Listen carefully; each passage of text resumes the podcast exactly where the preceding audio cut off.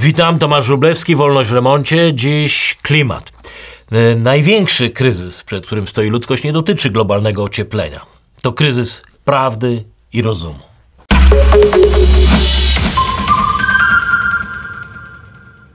Panika klimatyczna tak głęboko zatopiła zęby w sumieniu uczonych, polityków milenialsów, że dziś zmagamy się już nie tylko z wyzwaniami ekologicznymi, ale także społecznymi, gospodarczymi, ba nawet z psychiatrycznymi konsekwencjami radykalizmu klimatycznego. Ja nie odmawiałem oczywiście nikomu ani prawa, ani uczciwości w trosce o klimat, ale polityczno-gospodarcze to ruszenie towarzyszące retoryce troski dawno już przestało służyć temu, do czego zostało powołane, czyli do ochrony naturalnego środowiska, dla ochrony naszej cywilizacji. Nie wiedzieć, kiedy ruch zamiast zajmować się konserwacją natury dla poprawy naszego życia, zajął się dekonstrukcją cywilizacji dla konserwacji natury. Sebastian y, Stodolak, y, dziennikarz Gazety Prawnej, w doskonałym tekście nazwał ten ruch antywzrostowym. Rzecz w tym, że z każdym kolejnym radykalnym rozwiązaniem ograniczającym konsumpcję czy zużycie energii, ludzkość cofa się tak naprawdę w rozwoju. Antyzrostowcy zręcznie odwracają argument, mówiąc, że w innym razie człowiek całkowicie zostanie wyeliminowany z planety, zgładzony przez nieodwracalne zmiany klimatyczne.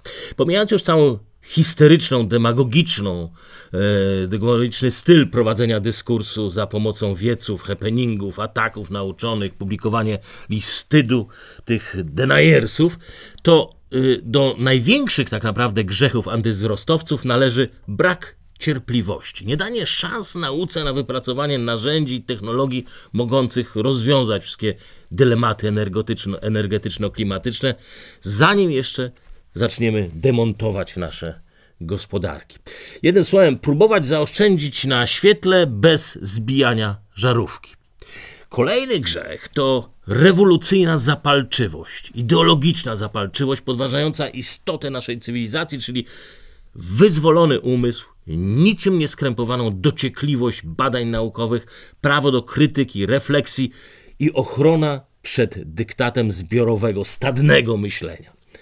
Wszystko to, czego zarys gdzieś na początku naszej drogi do demokratycznej wolności opisał Adam Smith w badaniach nad naturą i przyczynami bogactwa narodów. To, co potem legło u podstaw tego, co my sobie nazwaliśmy, dumnie zresztą, zachodnią cywilizacją dobrobytu. To nie jest problem, że politycy, uczeni, działacze raz czy dwa razy w roku nawet zlatują się tysiącami na konferencje z całego świata. Nawet jeżeli przy okazji gwałcą własne postanowienia o unikaniu nadmiernej rozrzutności czy zbędnej emisji dwutlenku węgla. Problemem też nie jest, e, że na swoją maskotkę obrali żywego człowieka, przewrażliwioną zmianami klimatycznymi, przypadkowo wybraną dziewczynkę zmagającą się z autyzmem. W końcu to ich sumienia i decyzje rodziców tej biednej dziewczynki. Problemem jest jednak, kiedy, jak pisze Douglas Murray w książce Szaleństwo tłumów, problemem jest, że żaden uczony, dziennikarz, ani nikt, kto sprawuje rządy dusz, nie odważy się kłócić z pomysłami Grety Thunberg. Jak pisze Murray, nawet wtedy, kiedy żąda od nas zniszczenia najlepszego w historii systemu gospodarczego, jakiego udało się kiedykolwiek stworzyć ludzkości. Jak możesz? How dare you? How dare you nawet wątpić? Wykrzykuje Greta. Greta zawstydająca, Greta wpędzająca w poczucie winy, ewentualnie Greta moralnie oczyszczająca swoich wyznawców, ratująca ludzkość przed apokaliptycznymi scenariuszami, często własnego autorstwa. Porównania do średniowiecznych świętych, do Joanny d'Arc, wydają się intelektualnym uproszczeniem. Ani to ta wojna, ani ta epoka. Ale oczywiście, kiedy tak Greta i jej kaznodzieje głoszą kazania o grzechu jedzenia mięsa, latania samolotem i kiedy napiętnują bogatych tego świata, czy rządzących tego świata, no to pewne analogie z XVI-wiecznym polowaniem na czarownicę mogą się nasuwać. Wtedy tamtejsze wiedźmy ważące złe moce klimatyczne. Rzecz dotyczy na przykład małej epoki lodowej.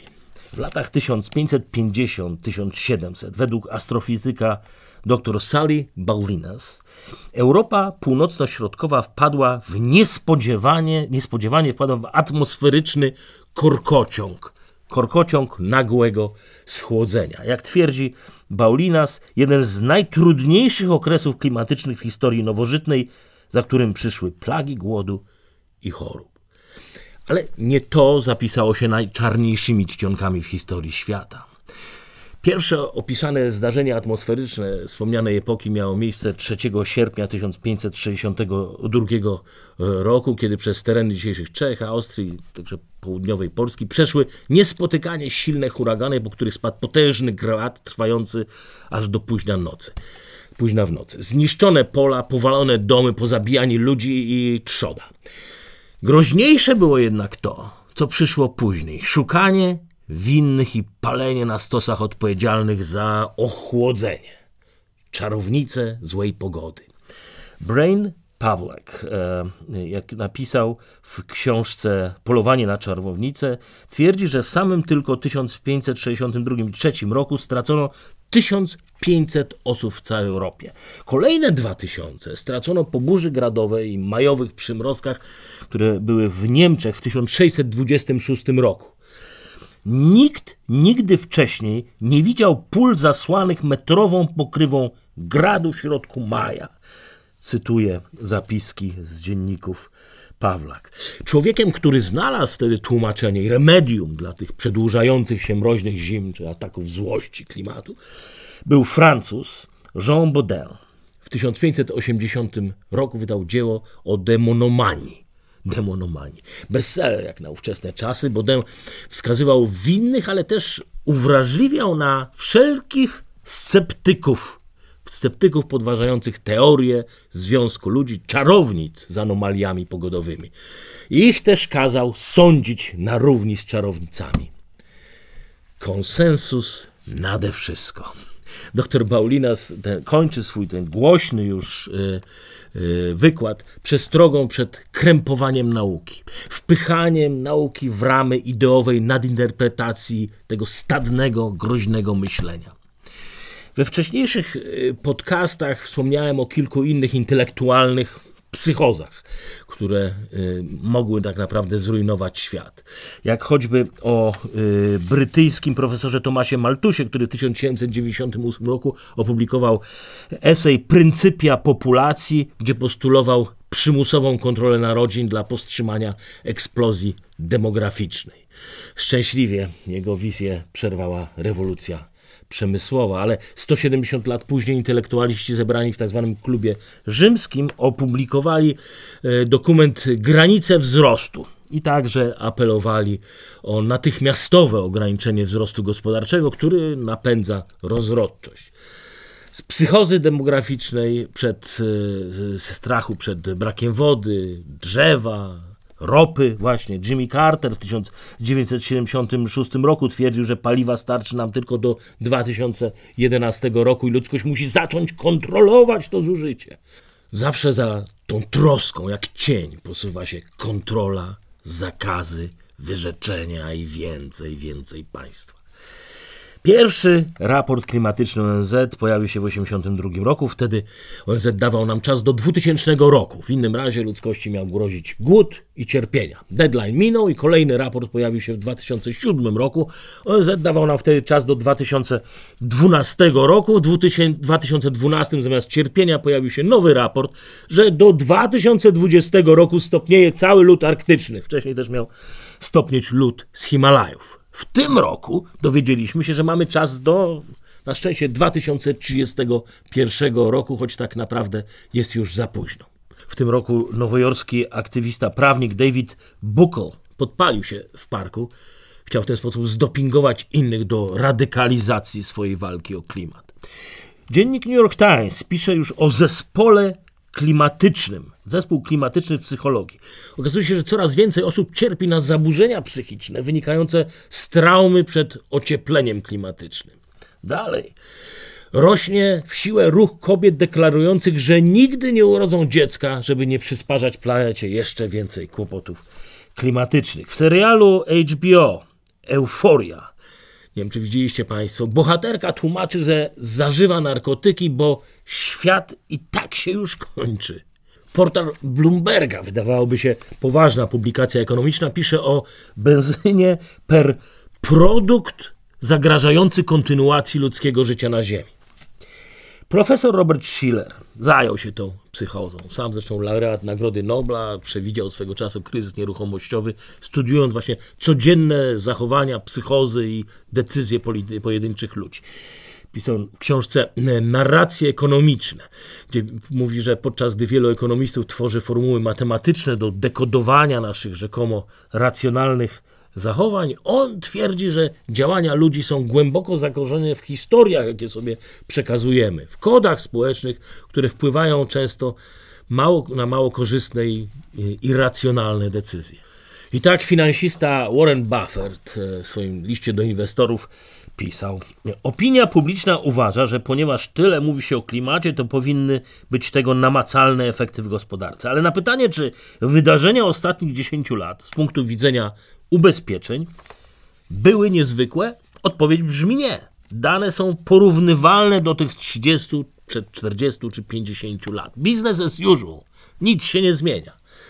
Ale oczywiście jest biznes narażony na te psychologiczne zmiany, na psychozę klimatyczną, na to przekonanie opinii publicznej, o którym mówił Buffett, na tą iluzję Schillera, która przekłada się na to, jak miliony Amerykanów, Niemców, może i Polaków inwestują pod presją psychozy klimatycznej.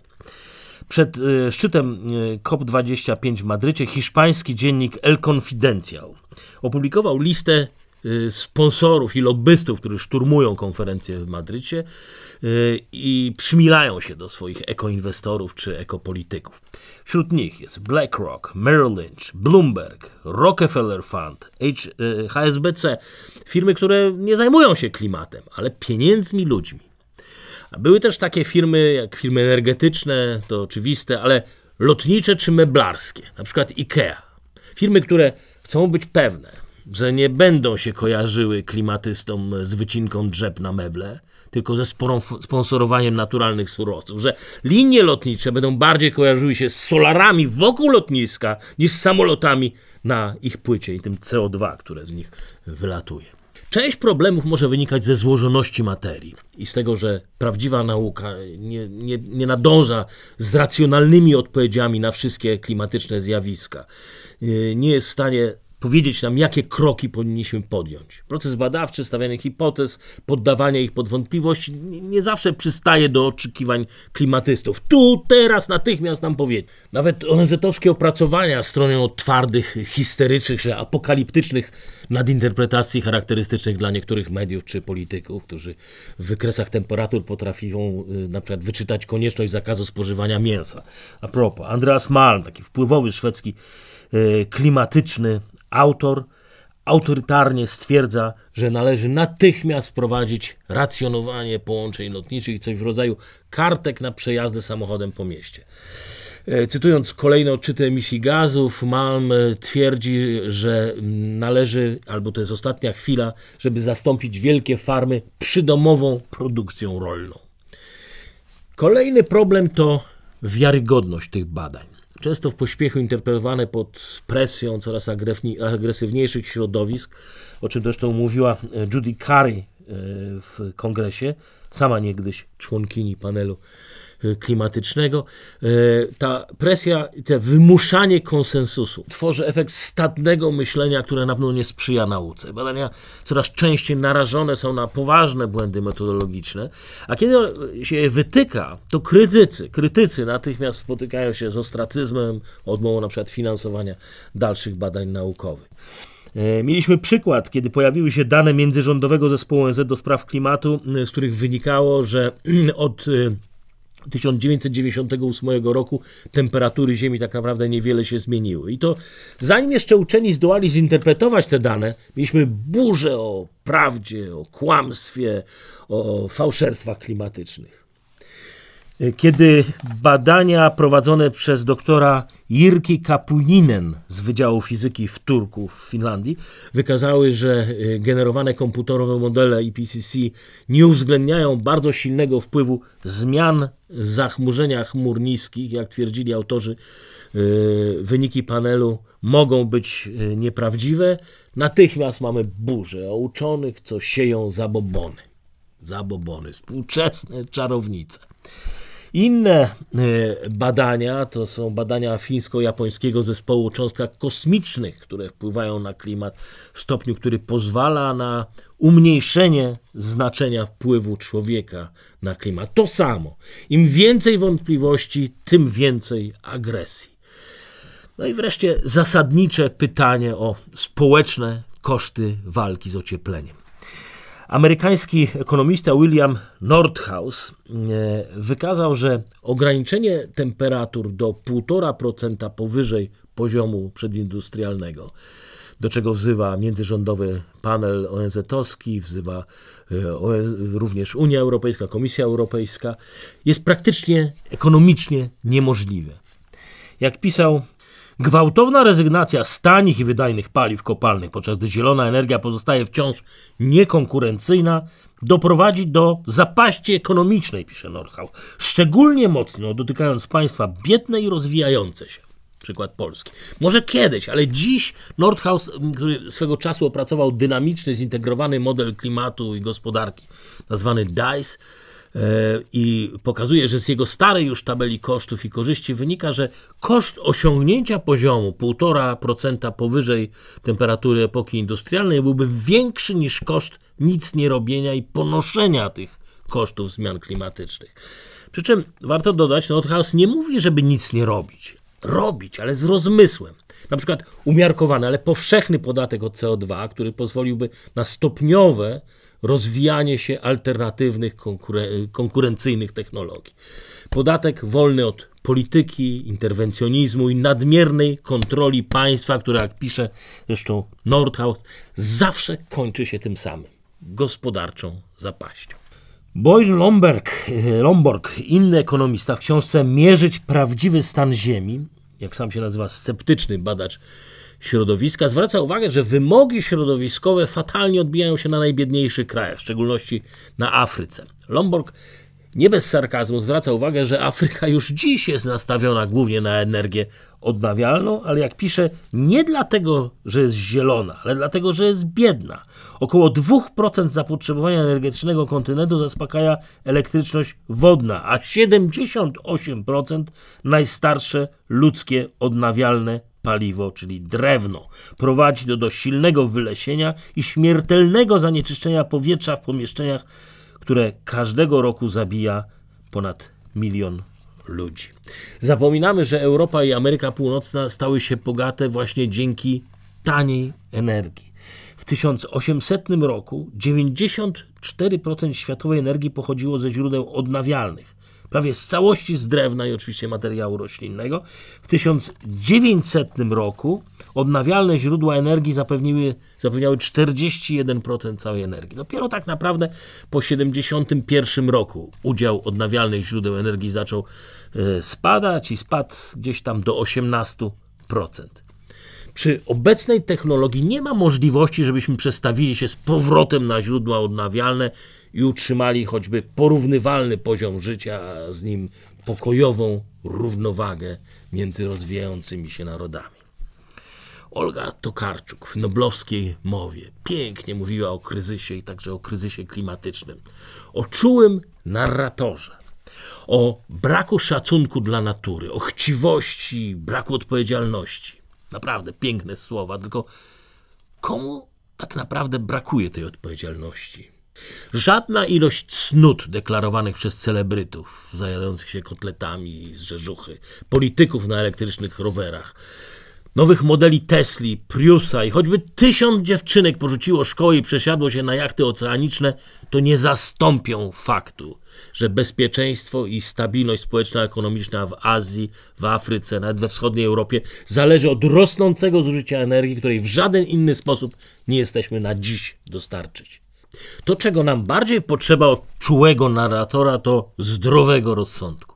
Zamiast mnożenia zakazów, kontroli, ograniczania produkcji i przy okazji demolowania wolności gospodarczych, potrzebujemy tego, w czym człowiek zawsze był i jest najlepszy.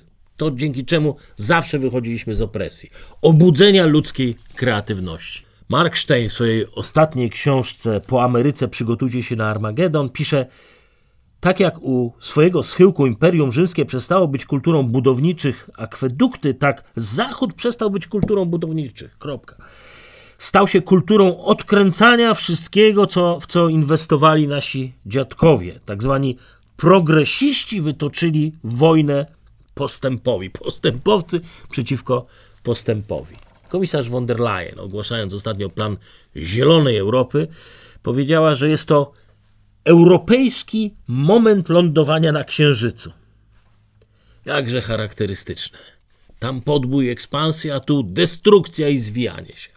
Konsensus kopenhaski to jest taka instytucja, która usiłuje nadać debacie klimatycznej zdroworozsądkowe ramy, pokazuje, że te same pieniądze, które rządy Europy zmarnotrawią teraz na kosztowne regulacje, zakazy, moglibyśmy wydawać na przykład na badania naukowe. 100 miliardów dolarów rocznie na badania nad nowymi, tanimi sposobami pozyskania energii, które byłyby konkurencyjne.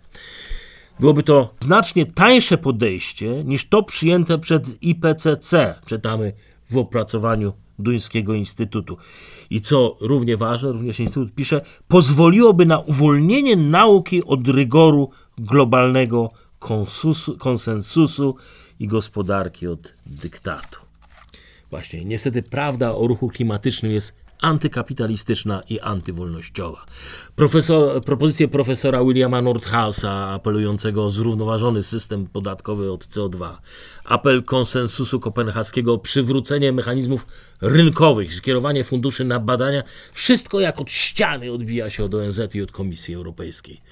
Bo też celem nie jest ani klimat, ani gospodarka, ani równowaga jednego z drugim, ale jak słyszymy na przykład w przypadkowym nagraniu aktywistki ze sztabu Kongres Women Aleksandrii e, Ocasio-Cortez, czy wy naprawdę sądziliście, że tu chodzi o klimat? Tu chodzi o przebudowę całej gospodarki, o nowy punkt odniesienia dla globalnej polityki.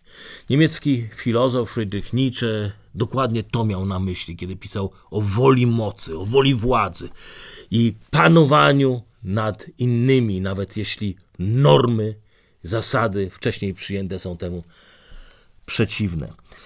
Nawet w najbardziej pokojowo nastawionych środowiskach pojawią się osoby, które będą chciały zdobyć więcej władzy, bogactwa i zdolność do dominowania nad innymi. Często nie uda im się to w ramach obowiązujących norm, i wtedy przyjdzie pokusa wywrócenia obecnego porządku rzeczy. Nietzsche nie znalazłby lepszej ilustracji do swojej teorii woli mocy niż zdjęcie tej drobnej szesnastolatki w rozentuzjazmowanym tłumie w Madrycie i która dosadnie mówi Niektórzy przywódcy tego świata boją się zmian, ale status quo musi zostać zburzone. Zburzone. Czy to ma być właśnie ta czuła narracja nowej epoki? Zapraszam na kolejny odcinek Wolności w Remoncie na kanale Warsaw Enterprise Institute, a w wersji audio w Spotify i w podcastach iTunes.